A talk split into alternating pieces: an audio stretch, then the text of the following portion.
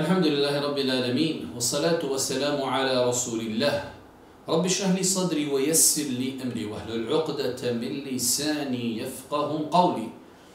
Doista svaka zahvala pripada uzvišenom Allahu subhanahu wa ta'ala. Salavat mir i selam na Allahu poslanika, Allahu milenika Muhammeda, alaihi salatu wa salam, u časnu porodcu zovite ashaabe i sve ljude koji slijede put istine do sudnjega dana. Možda braću i poštovane sestre, uvažni prisutni, Evo nas u još jednu emisiju koju se družimo sa vašim pitanjima, vašim dilemama, koje vi u pismenoj formi šaljete na naš e-mail. Ovo je, ako smo dobro brojali, 148. emisija. Pokozna koji put ponavljamo da je doista mnogo, ali baš mnogo vaših pitanja, vaših dilema koje pristižu na naš e-mail.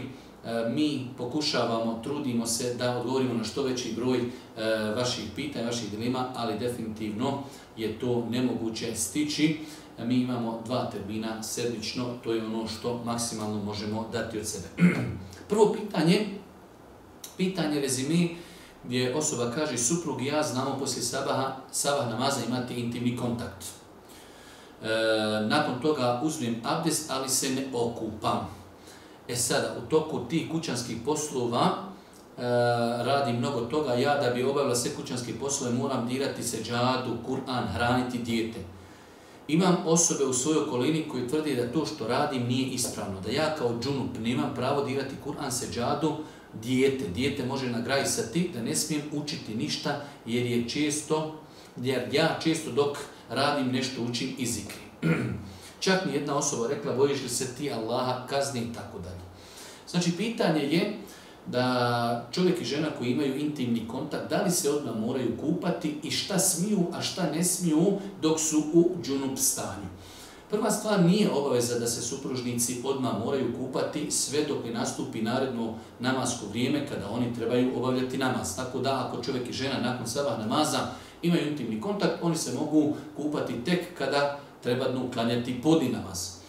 Kada je u pitanju obavljanje kućanskih poslova, kada je u pitanju gledanje djeteta, kada je u pitanju zikru Allah, veličanje Allah, sve te stvari su dozvoljene e, raditi ženi i čovjeku koji su u džunup stanju. Znači, žena može čistiti kuću, može dodirivati se džadu, može zikriti, može spremati hranu, može gledati svoje dijete, može garanti. Ništa od toga nije zabranjeno. Ono što je zabranjeno jeste doticanje mushafa direktno i učenje Kur'ana. Te dvije stvari su zabranjene u džunupluku, e, učenje Kur'ana treba izbjegavati, a ako postoji potreba da dotaknemo Kur'an, onda ćemo to uraditi sa nekom, znači, e, da kažemo, peškirom ili sa nekom krpom, da ne bude direktan doticaj naše ruke i mushafa. Tako da znači to da se dijete može ureknuti ili nešto slično tome, apsolutno je netačno, da dijete može ugajsati, apsolutno netačno.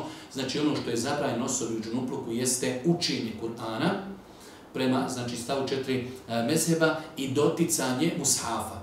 A ako već ima potrebu da dotakne mushaf, onda će žena uzijeti peštir ili krpu i tako će uzijeti Kur'an i ostaviti ga na drugo mjesto može spremati hranu, može hraniti dijete, može gledati dijete, može zikriti veličati Allaha, može spremati hranu, sve te stvari su dopuštene bez ikakve pokuđenosti.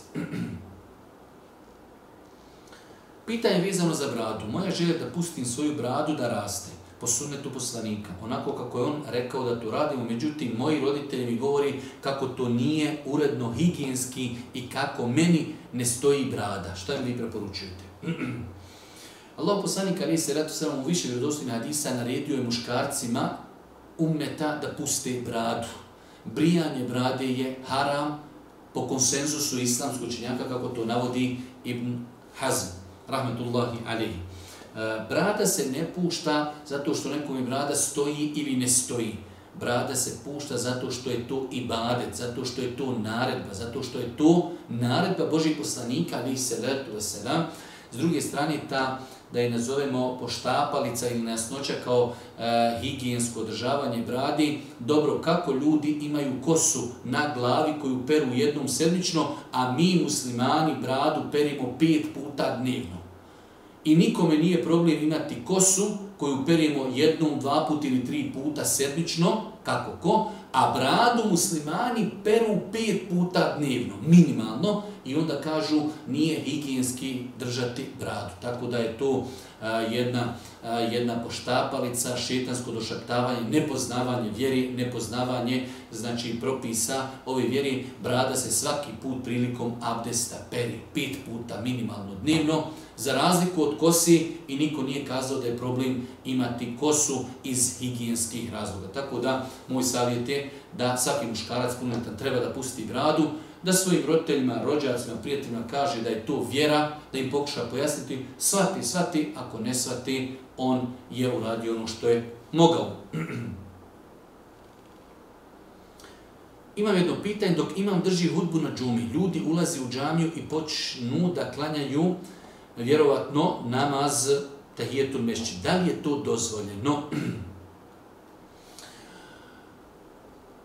U hadisu koji bilježi ima muslim od, eh, Abdul, od Džabira e, eh, ibn Abdullaha radijallahu ta'ala stoji da je ashab koji se zove Sulejk el Gatafani došao je u vrijeme kada je Boži poslanik držao hudbu. Znači ovaj hadis je jasan odgovor na ovo pitanje. Dolazi ashab koji se zove Sulejk el Gatafani, Boži poslanik drži hudbu i čovjek je sjeo. Kaže mu Boži poslanik ali se reto sam ja Sulejk um ferka rekaatejni o te džavuz fihima osulik, ustani, ustani, naređuj mu, ustani, klanjaj dva rekiata, ali kratko, nemoj oduživati. Nakon toga Boži poslanik nastavlja i kaže, hadis bilež ima muslim, kaže, kada neko od vas dođe petkom, u periodu kada imam drži hudbu, neka klanja dva rekiata, ali neka ih krano, kla, kratka, kratko klanja, hadis bilež ima muslim. Znači, jasan odgovor Božih poslanika, prvo praktično, vidio je čovjek kada je sjeo, kaže, ne, ustani, klanjaj dva rekiata, i onda u jezičkoj formi Božih poslanika kaže, kada neko od vas dođe džumu, a ima već drži hudbu, neka klanja dva rekiata, ali neka to kratko uradi, neka ne duži u klanjem ta dva rekiata. Tako da, znači, ispravani postupak kada ljudi dođu u džamiju, ako je neko već kasnio, a imam je počeo sa hudbom, klanjati dva rekiata, nakon toga sjesti. Četvrto pitanje, da li je grije prekinuti trudnoću od 3 i pol mjeseca ukoliko doktor i analize potvrde anomalije ploda i tako dalje. Mi smo kazali da po konsenzusu islamskog učenjaka dijete kada napuni 120 dana u utrobi majke, da je e, abortus nakon tog perioda haram, zabran da se smatra ubijstvom. 3,5 mjeseca e, je izuzetno blizu period ovog perioda. Stoga uslamski učenjaci su kazali, ako u pitanju rana trudnoća, hajde kažemo 15 dana, 20 dana, prvi mjesec, i ako postoji određena potreba za abortusom, e, u tom pitanju su islamski učenjaci bili tolerantni. Ali abortus u periodu 3 i po mjeseca, e, po određenom dijelu učenjaka, čak nakon 2 e, i po mjeseca ili 3 mjeseca, dijete je već oživjelo. Tako da u ovom periodu, znači nakon tri i mjeseca, Allah najbolje zna, zabranjeno je abortirati bez obzira na analize, bez obzira na znači e, tvrdnju da dijete ima određene anomalije, e, to je period kad je već dijete e, znači u fazi oživljenja, da li je oživjelo ili ne, ali u fazi oživljenja kada je abortus zabranjen.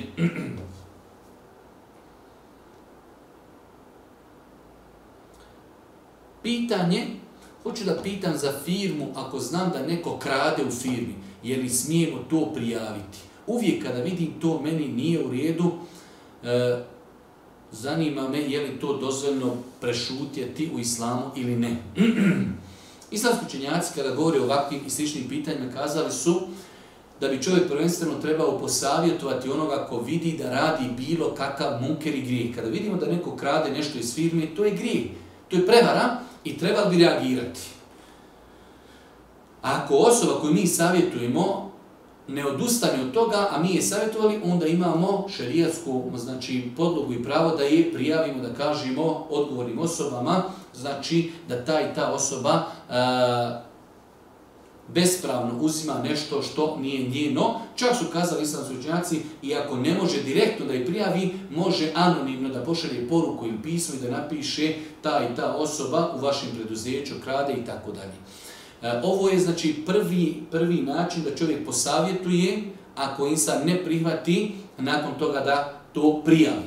E, po određenom dijelu učenjaka čovjek ako ne bi Eh, iz određenih razloga može da se čovjek boji za svoju za svoje zdravlje, za svoj život, za svoj imetak, da ne bude ugrožen, ako i ne bi posavjetovao, on ima pravo da znači ili direktno ili anonimno da prijavi nekoga zato što je to e, poigravanje sa tuđim imetkom, uništavanje onoga što nije čovjekovo, uzimanje bespravno određenih stvari, svakako da su tu islamu grijesi, čovjek treba da reagira, naša vjera je zasnovanja na naređivanju, na dobro odvraćanju od zla. Ako možemo posavjetovat ćemo, ako čovjek prihvati dobro jest, ako ne, onda ćemo to e, znači, kazati onima koji su nadležni. Ako i ne mognemo posavjetovati e, iz procjeni situacije, da nismo u situaciji da savjetujemo, opet imamo pravo da to prijavimo direktno ili anonimno.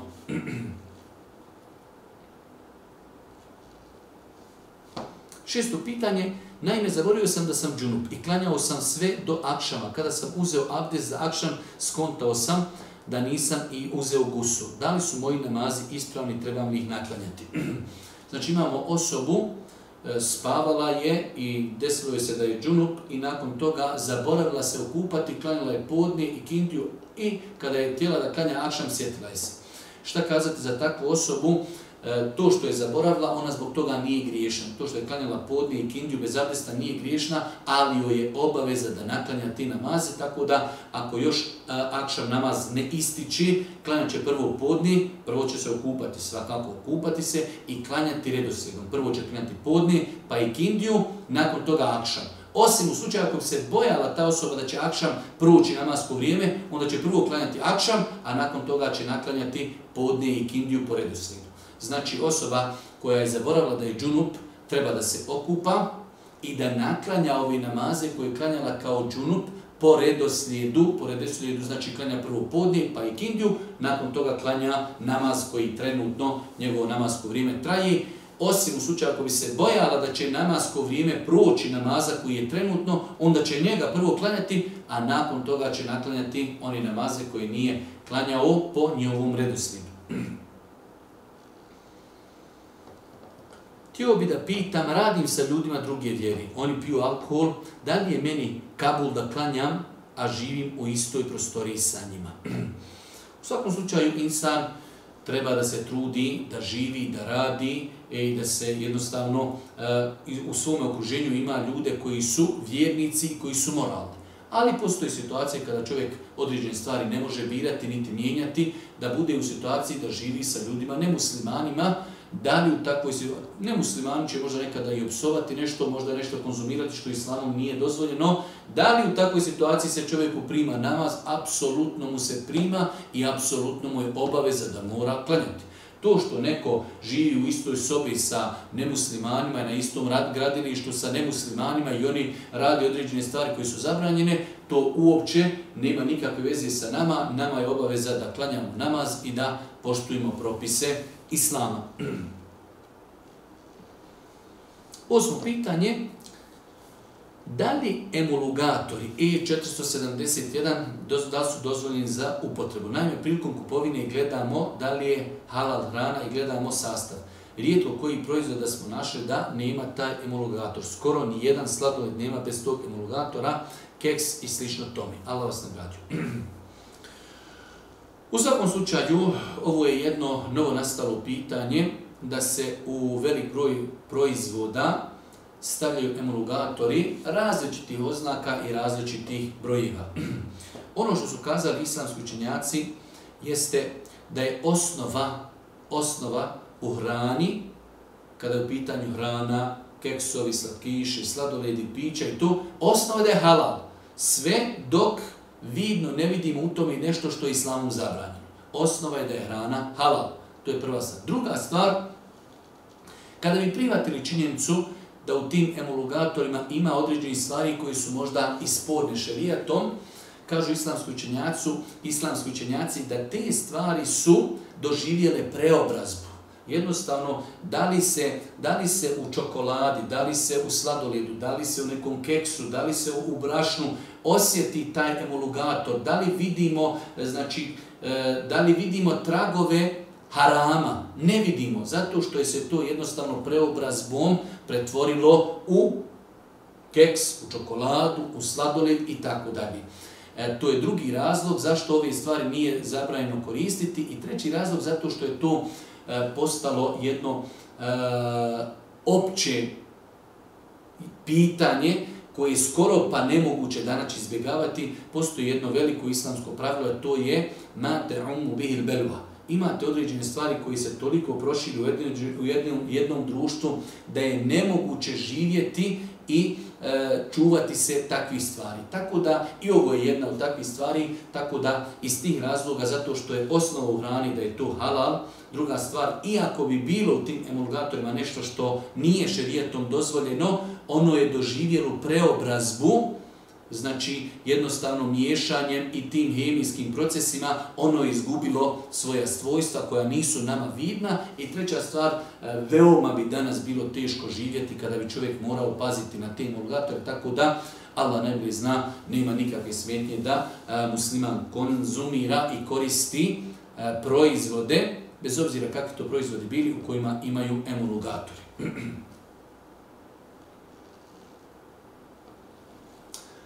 Poštovani imam pitanje u vezi puštanja brade, ako neko ima slabu bradu, skoro da je nema, da li je u obavezi da je pušta?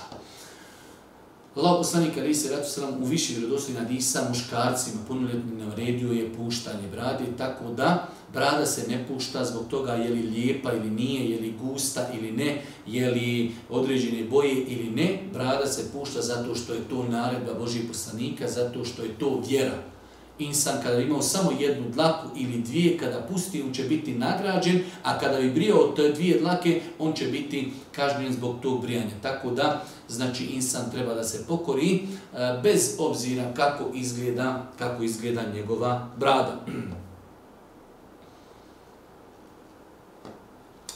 11. pitanje, živim u Austriji u firmi gdje radim, ne mogu klanjati namaz, jer u firmi ni jer firma nije zato namijenjena, e, radi se o čisto čistim metam, čisto metalnoj industriji.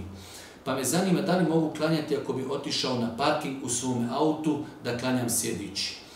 E, ne mogu da zamislim da postoji firma, bez obzira kakvi njeni proizvodi bili, da ona nema neki čošak, neki hodnik, neku ostavu, e, neko skladište gdje mi ne možemo uzeti karton i klanjati na tom kartonu. Ne mogu da zamislim.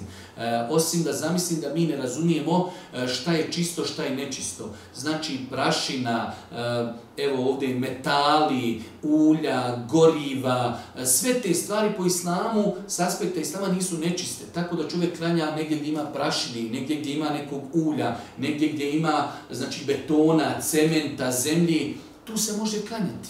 Tako da nema smetnje da čovjek klanja nema smetnje da čovjek u takvim e, znači mjestima tlanja svakako se negdje skloni u nekom čošku gdje ljudi ne hodaju gdje znači jednostavno uzeće neki karton neku dasku e, skinuće sa sebe jaknu i na tome će klanjati farze i ići raditi dalje tako da mislim da nima potrebe da čovjek odlazi na parking, da traži svoje auto, s druge strane, kada bi već išao, nije isprava namaz da čovjek klanja sjedeći, a ima teoretsku šansu da klanja stojeći. Tako da, znači, iako bi prihvati činjenicu da čovjek ne može unutar firme klanjati, onda neka izađe izvan firme na parkingu i neka klanja stojeći i mirna Bosna. Imam često problema sa vesesama što se tiče abdesta, kao i namaza. Naprimjer, kada uzmem abdest, dođe mi pitanje jesam li oprao usta i usred abdesta. U namazu mi se dešava da kontam jesam izgovorio fatihu ispravno i tako dalje. Jesam rekao sam je Allahu li men hamide i tako dalje. U svakom slučaju, standardno, klasično pitanje gdje šetan ljudima otežava i badete putem došatavanja, da ih dovodi u sumnju da li su uradili određene ibadete, pa ih nagovara na ponavljanje, na preispitivanje, na sumnje i tako dalje. Allaho poslanika Ali se ratu selam kada je govorio o čovjeku u hadijskoj bilži imam Buhari je muslim e, koji čuje grčanje crijeva u stomaku, kaže Allaho poslanik le jen sarif, zabranjuje kaj ne smije prekinuti namaz sve dok ne bude siguran da je izgubio abdest. Ovo je jedno veliko pravilo. Znači čovjek koji zna da ima problema sa vesvesama ne smije ponavljati nikakve radnje u ibadetima. Ako je čovjek došao do nogu i onda šetan kaže e, došapni, a da li si izapravo usta? Jesam, nastavi dalje. Ne smije se osvrtati došaptavanjima, ignorisanje i ne smije ništa ponavljati. Osim, ali to je rijetko za čovjeku, tako je sigurno znam da sam zaboravio. Ali ako je samo u pitanju došaptavanje ili sumnja, ne smije. Boži poslanika je lajan sarif, nemoj da prekidaš namaz, zabranjeno.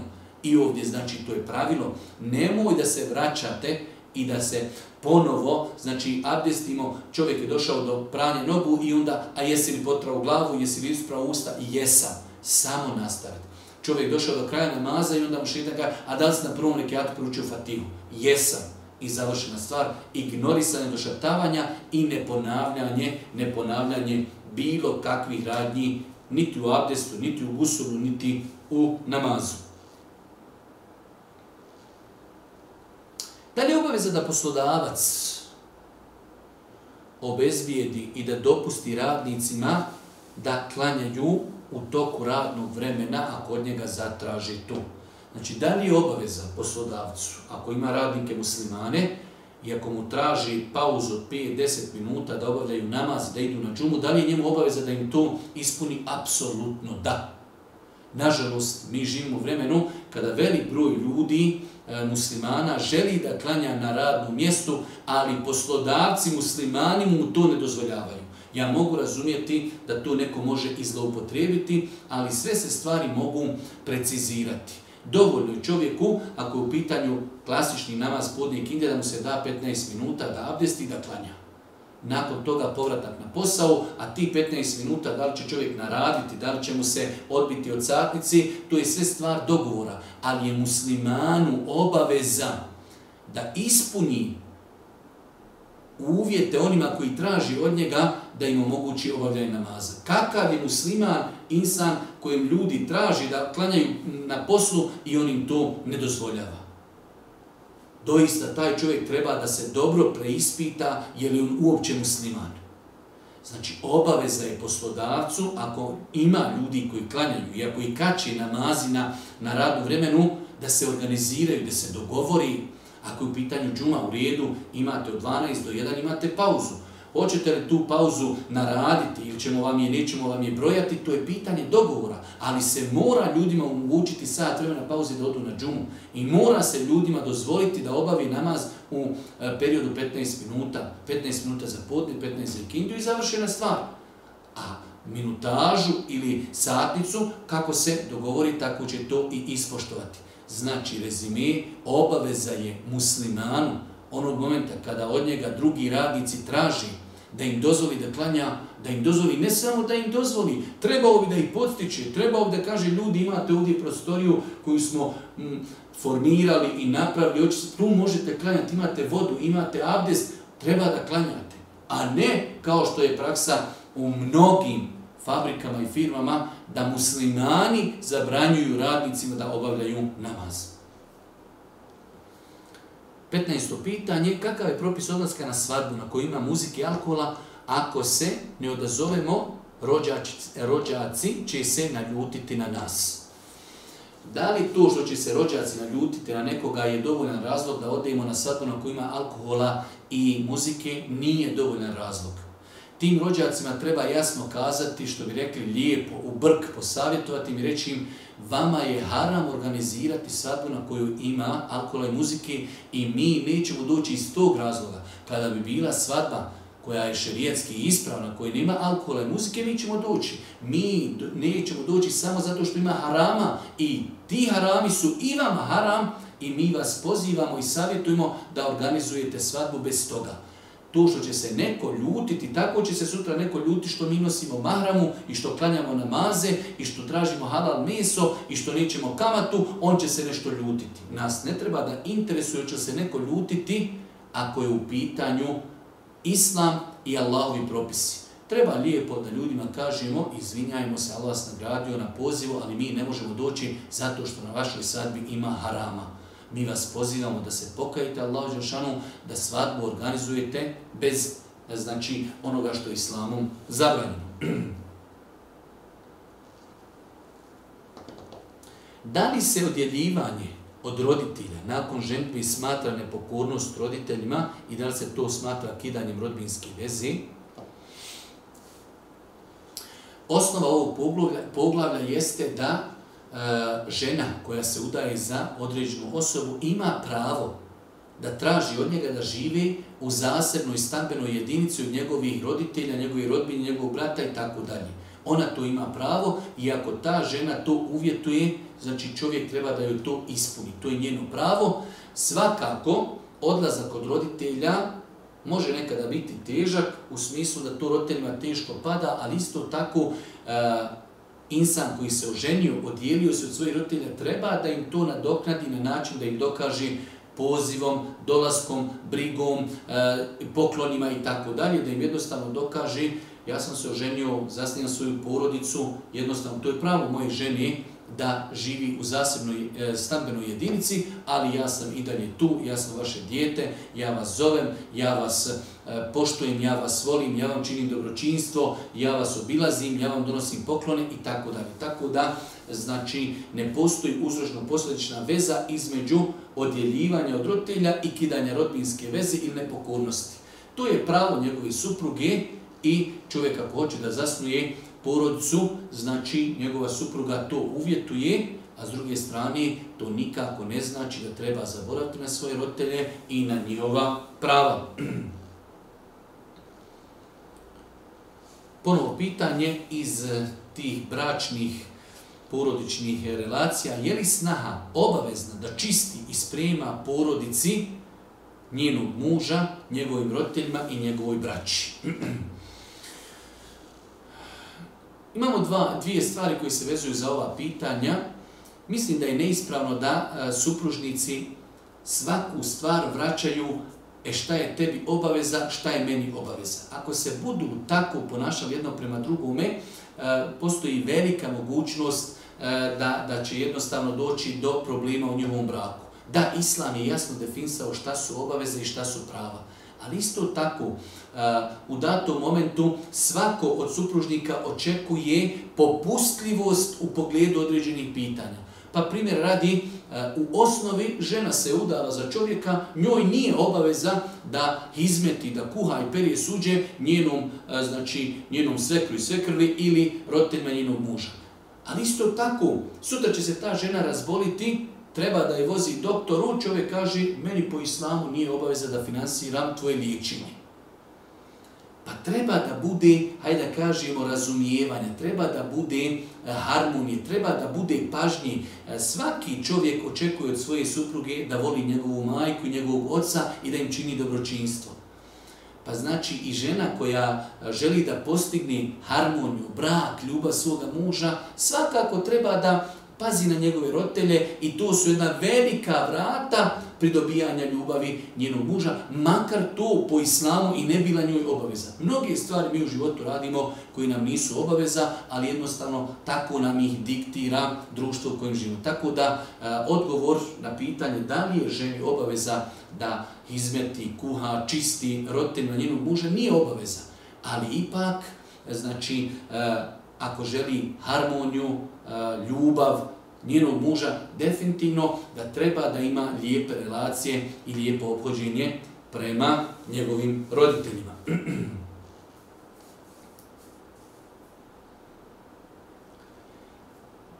ima li muž pravo bez ikakvog razloga zabranjivati supruzi obilazak njenih majke, njenih roditelja i ostali rodbini?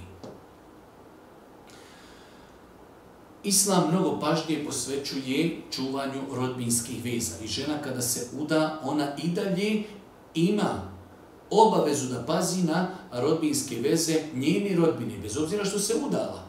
Samim time, znači, Islam joj naređuje da pazi na rodbinske veze, da pazi na svoga djeda, na svoju nanu, da pazi, znači, e, na amiđe, da pazi na dajđe i tako dalje. Jednostavno, da pazi na svu svoju rodbinu, no?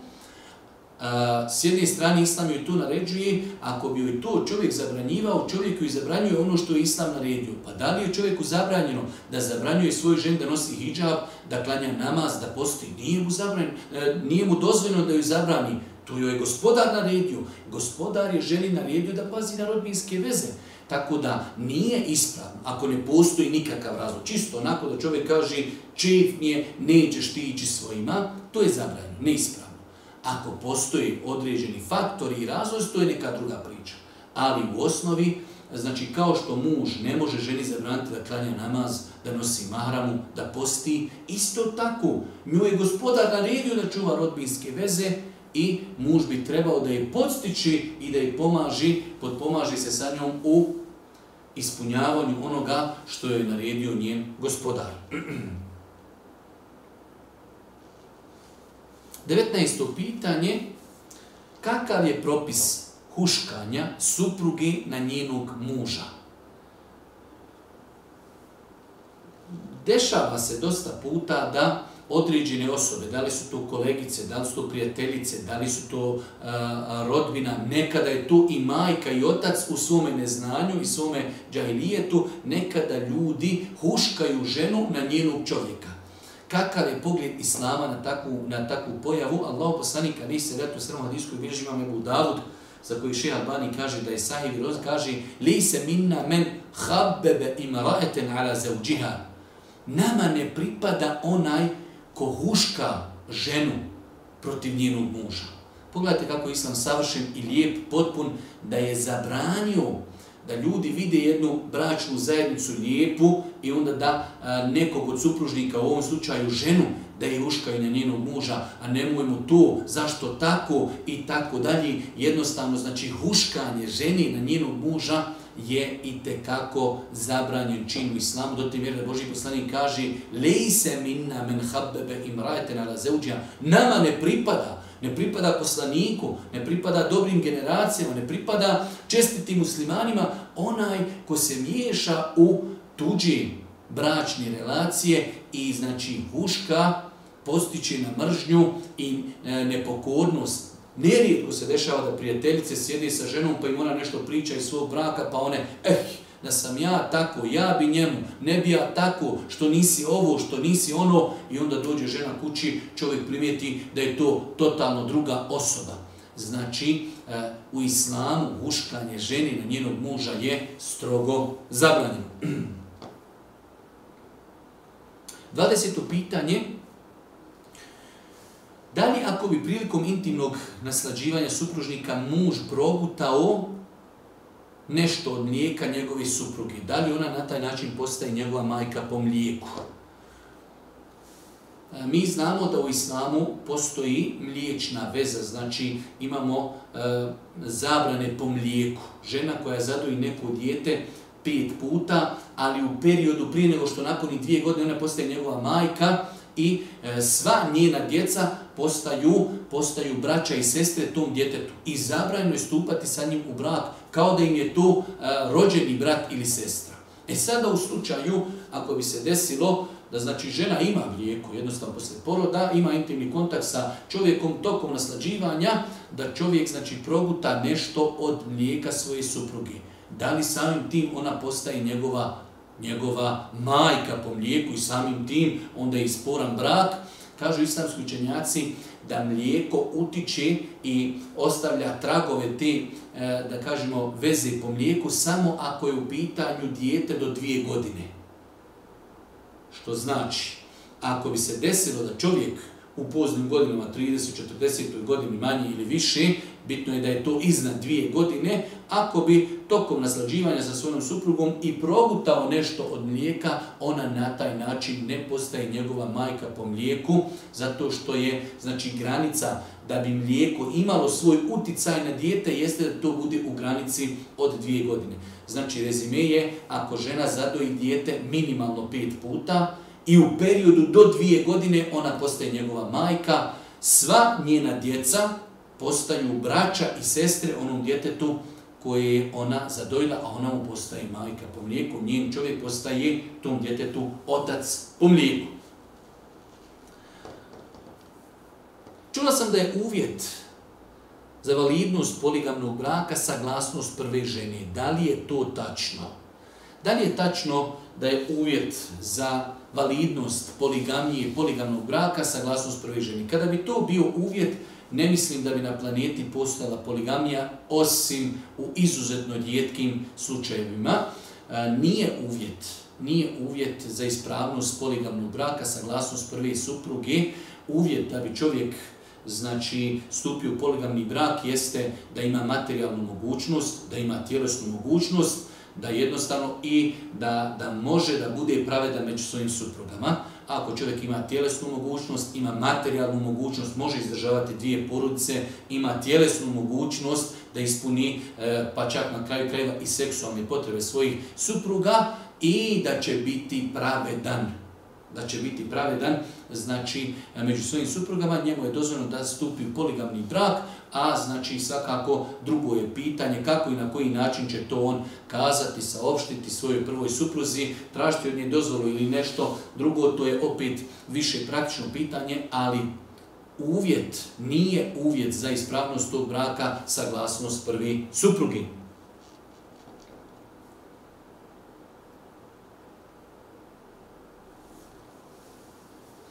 Ako bi se ispostavilo da je muškarac oženio ženu koju je njegova majka zadojila pet više puta, šta uraditi? Situacija se desila za vrijeme Božih poslanika, ali se ratu sram, a velikom broju šehova savremenog doba postavljena su pitanja da se desi slučaj, situacija da ljudi ožene ženu i nakon što ožene ženu čak dobiju djecu, nakon određenog perioda saznaju da ta žena njegova majka je nju zadojila, samim tim to je njegova sestra po mlijeku. Možda je to kod nas e, nekome i čudno, ali se može desiti, desilo se čak za vrijeme Božijeg poslanika, ne ih se letu sram, u takvim situacijama e, čovjeka koji je to uradio iz neznanja svakako nije griješan, ali takav brak se odma poništava, jer bukvalno čovjek je oženio osobu koja mu je sestra po mlijeku, a to je u islamu strogo zabranju stoga toga, insan kada se ženi, trebao bi da razgovara sa svojom majkom, da, sa svojom majkom da je pita, majka, želim da ženim e, djevojku tog i tog čerku, da slučajno dok si bila u bolnici, jesi li nekada zadojila neko djete i tako dalje, jednostavno kako se ne daj Bože ne bi desila takva situacija, da čovjek oženi ženu koja je njegova sestra po mlijeku, i može se desiti čak i da dobije djecu svemu tome, e, znači ako je to uradio iz neznanja, on nije griješan, ali svakako da takav brak se odna prekida i da je takav brak neispravan. Da li je dozvoljeno zaklinjati se poslanikom ili kabom? U vjerodostojnim hadisima stoji da je Allah poslanik Ali Isselatu Veselam zabranio zaklinjanje bilo čime osim Allahom subhanahu wa ta'ala. Tako da samim time nije dozvano ono što vidimo u našem narodu da se ljudi zaklinju majkom, ocem. Zaklinju se ljudi džamijom, ljudi se zaklinju kjabom i poslanikom i tako dalje. Sve je to neispravno. Dozvoljno se samo zaklinjati Allahom, njegovim imenima i njegovim svojstvima. Ništa više, znači bilo koja druga zakljeta, ljudi kod nas pogotovo imaju, da kažemo, uzrećice da se zaklinju majkom, da se zaklinju očevima, da se zaklinju, e, neko se zaklinje, e, E, džamijom, neko se zaklinje djetetom, sve su to strogo, strogo zabranjene stvari u islamu. Da li je dozvoljeno da se uzme plata i da se naplati, e, znači da uzme platu osoba koja se posvijetila podučavanju drugih osoba harfovima i ispravnom učenju Kur'ana. Znači, pitanje je da li onoj osobi koja je svoj život posvijetila da druge podučava harfovima, podučava ih ispravno učenju Kur'ana, da li takva osoba ima pravo da to naplati iz Bejtul Mala ili na neki drugi način. E, Allah najbolje zna ispravno je da insan koji se posvijetio, imate e, ljude koji su svoj život posvijetili tome da ljude podučavaju harfovima, podučavaju sufari, preslušavaju hafize, ljudi kod njih uče Kur'an, e, odakle će živjeti takvi ljudi tako da nema smetnje, nema smetnje da osoba koja a, društveno koristi jednom društvu, a treba li nam veća korist da imamo neke ljude koji su se posvetili da druge ljude podučavaju harfovima, podučavaju ih šerijetskom znanju, podučavaju ih Kur'anu, šta bi trebali sa takvim osobama da ih ostavimo da, da se pate gladni, žedni, ne. Znači, jedno društvo, a, E, pogotovo kada u pitanju situacija ako imamo e, Bejtul Mal ili ako imamo situaciju određene organizacije koje mogu preuzeti na sebe e, finansiranje takvih osoba zbog njihovi opći koristi i potrebi društva za takvim osobama, nema nikakve smetnje da takve osobe, da im se određi, odredi jedna normalna, prosječna, lijepa plata od čega mogu živjeti.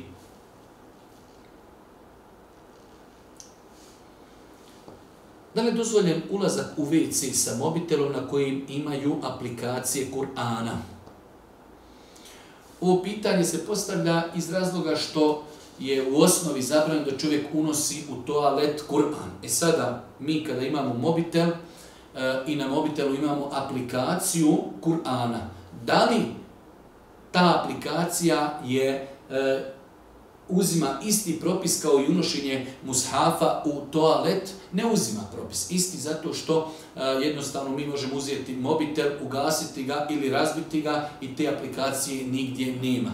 Tako da je to više nešto, uh, da kažemo, uh, virtuelno nešto što mi možemo koristiti. Ono što je bitno jeste da čovjek prilikom ulaska u toalet ne drži uključen mobitel na otvorenoj aplikaciji Kur'ana. To je ono što čovjek ne bi sebi trebao dozvoliti, ali da unese u toalet e, znači mobitel na kojem ima aplikacija u kojoj kada pokrene otvorimo mushaf, znači ako Bog da nije sporno unošenje takvog aparata, mobitela, bez obzira što na njemu i u njemu ima aplikacija Mushafa i Kur'ana, bitno je samo da ta aplikacija u momentu ulaska u toalet nije otvorena i da nije vidna na ekranu. Možete li jednom da nam finalno pojasnite da li je zabranjeno nositi hlače ispod članaka iako, iako se ne nosi hlače s ciljem oholosti ispod članaka? Allahu poslanik alejhi salatu vesselam u više vjerodostojnih hadisa e, zabranjuje muškarcima ummeta da nose odjeću ispod članaka, ne praveći razliku da li se to radi iz oholosti ili ne. Tako da vjerni musliman e, trebao bi da pazi na sebe, na svoje postupke, kao što pazimo šta jedemo, šta govorimo, isto tako treba da pazimo šta nosimo kao što je ženama naređen hijab, naređen nikab, naređeno nošenje rukavica, isto tako i određene stvari se vezuju za muškarce i njihovu odjeću, pa muškarci e, ne mogu nositi zlato, ne mogu nositi svilu. Jedna od stvari koja je zabranjena muškarcima jeste i zabranjen, da im je zabranjeno nošenje odjeće ispod članaka. E, u više vjerodostojnog hadisa Allah poslanik je strogo zabranio nošenje odjeće ispod članaka, čak je spomenuto u hadisima, različite kazne, jedna od tih kazni da ono što bude e, znači od odjeće ispod članaka, to će goriti u vat. Tako da insa vjernik bi trebao da se trudi maksimalno u svakodnom životu, da sve svoje postupke prilagodi e, naredbama Islama. Jedna od tih naredbi jeste i nošenje odjeće iznad članaka. Kakav je propis čuvanja ptica u kavezu? Da li je tu uskraćivanje njihovi slobodi, da li je to dozvoljeno u islamu?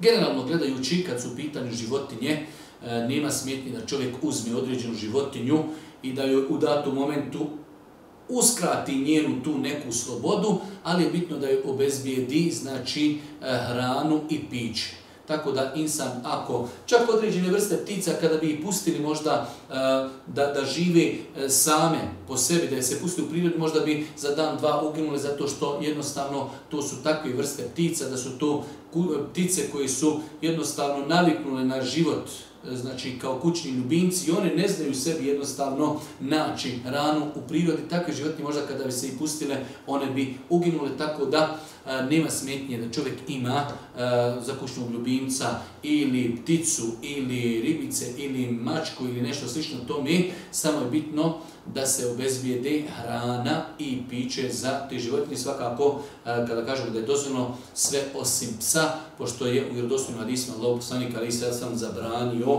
e, da pas bude kućni ljubimac e, i zaprijetio ili kazao da onaj ko bude imao psa, osim one tri situacije u kojima je pas dozvoljen, da će mu to svaki dan umanjivati nagradu, znači kao što je brdo uhud, tako da insan treba da izbjegava takvu stvar strogo.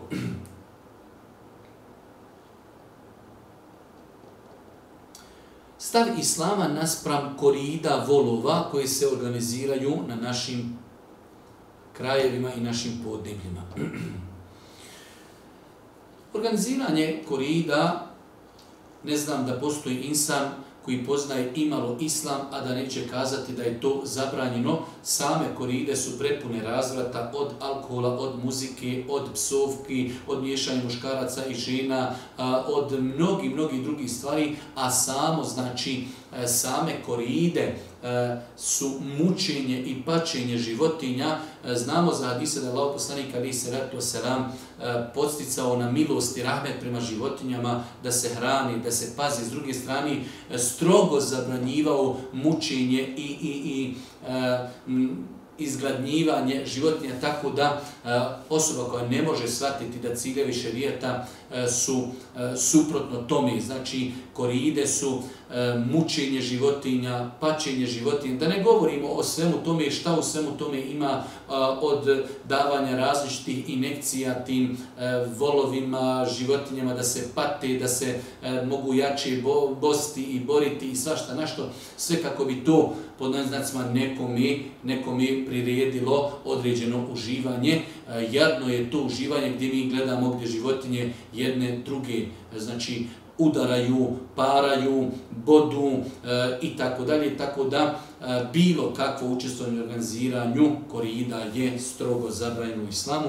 U određenim hadisima oko čijih vjerodostojnosti postoji razilaženje kod učenjaka stoji da Allah poslanik zabranio et tehriš bein el beha'im, zabranio je Boži poslanik da se životinje znači e, puštaju jedne na drugi u smislu da se bore jedne protiv drugih.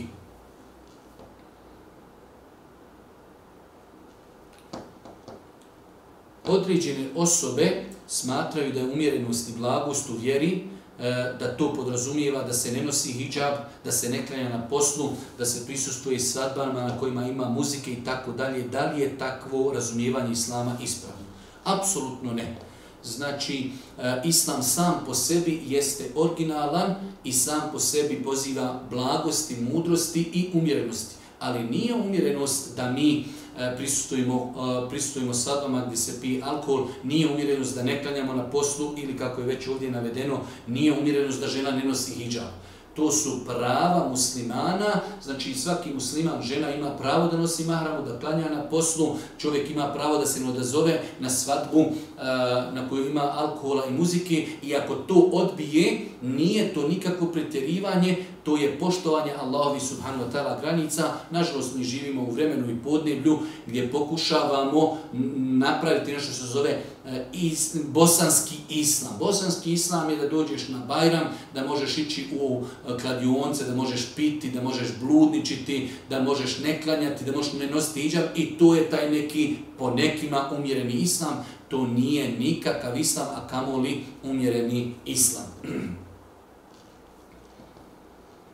da li je dozvoljeno snimanje razgovora sa nekim bez njegovog znanja?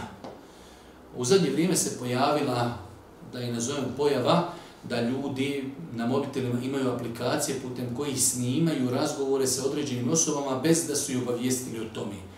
Nekada se taj govor poslije koristi i zloupotrebljava u dokazivanju određenih stvari, ta, tako da e, pitanje je da li se može snimati razgovor ako to druga osoba ne može, Jedan od savremenih učenjaka koji preselio zvao se Bekr e, Ebu Zeid, napisao je jednu knjižicu koju je govorio o adabima, kako se ponašati prilikom razgovora putem telefona, pa je spomenuo da je strogo u islamu zabranjeno da čovjek snima nečiji razgovor bez njegove saglasnosti i kazao je da je to grijeh, da je to prevara, da to islamom nije dozvoljeno. Svakako, da li bi neko od nas volio da nas neko snima, da nas nije obavijestio o tome?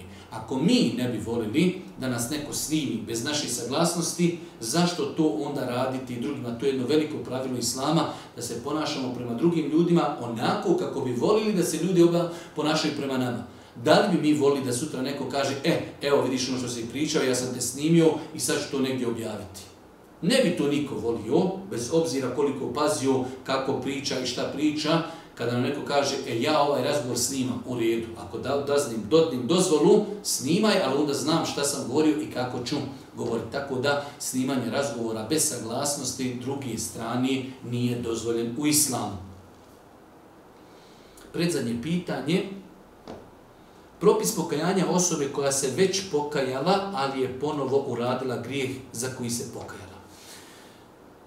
Veoma čisto nam se postavljaju slična pitanja. Pitanja pogotovo kad su u pitanju mladinci, kada u pitanju namisane, kada su u pitanju određene loše navike, e, jednostavno dođe period kada osoba shvati da je nešto grijeh, pokaje se, ali jednostavno e, strasti i navike su jače od njih, pa se nekada vrati ponovo tom grijehu.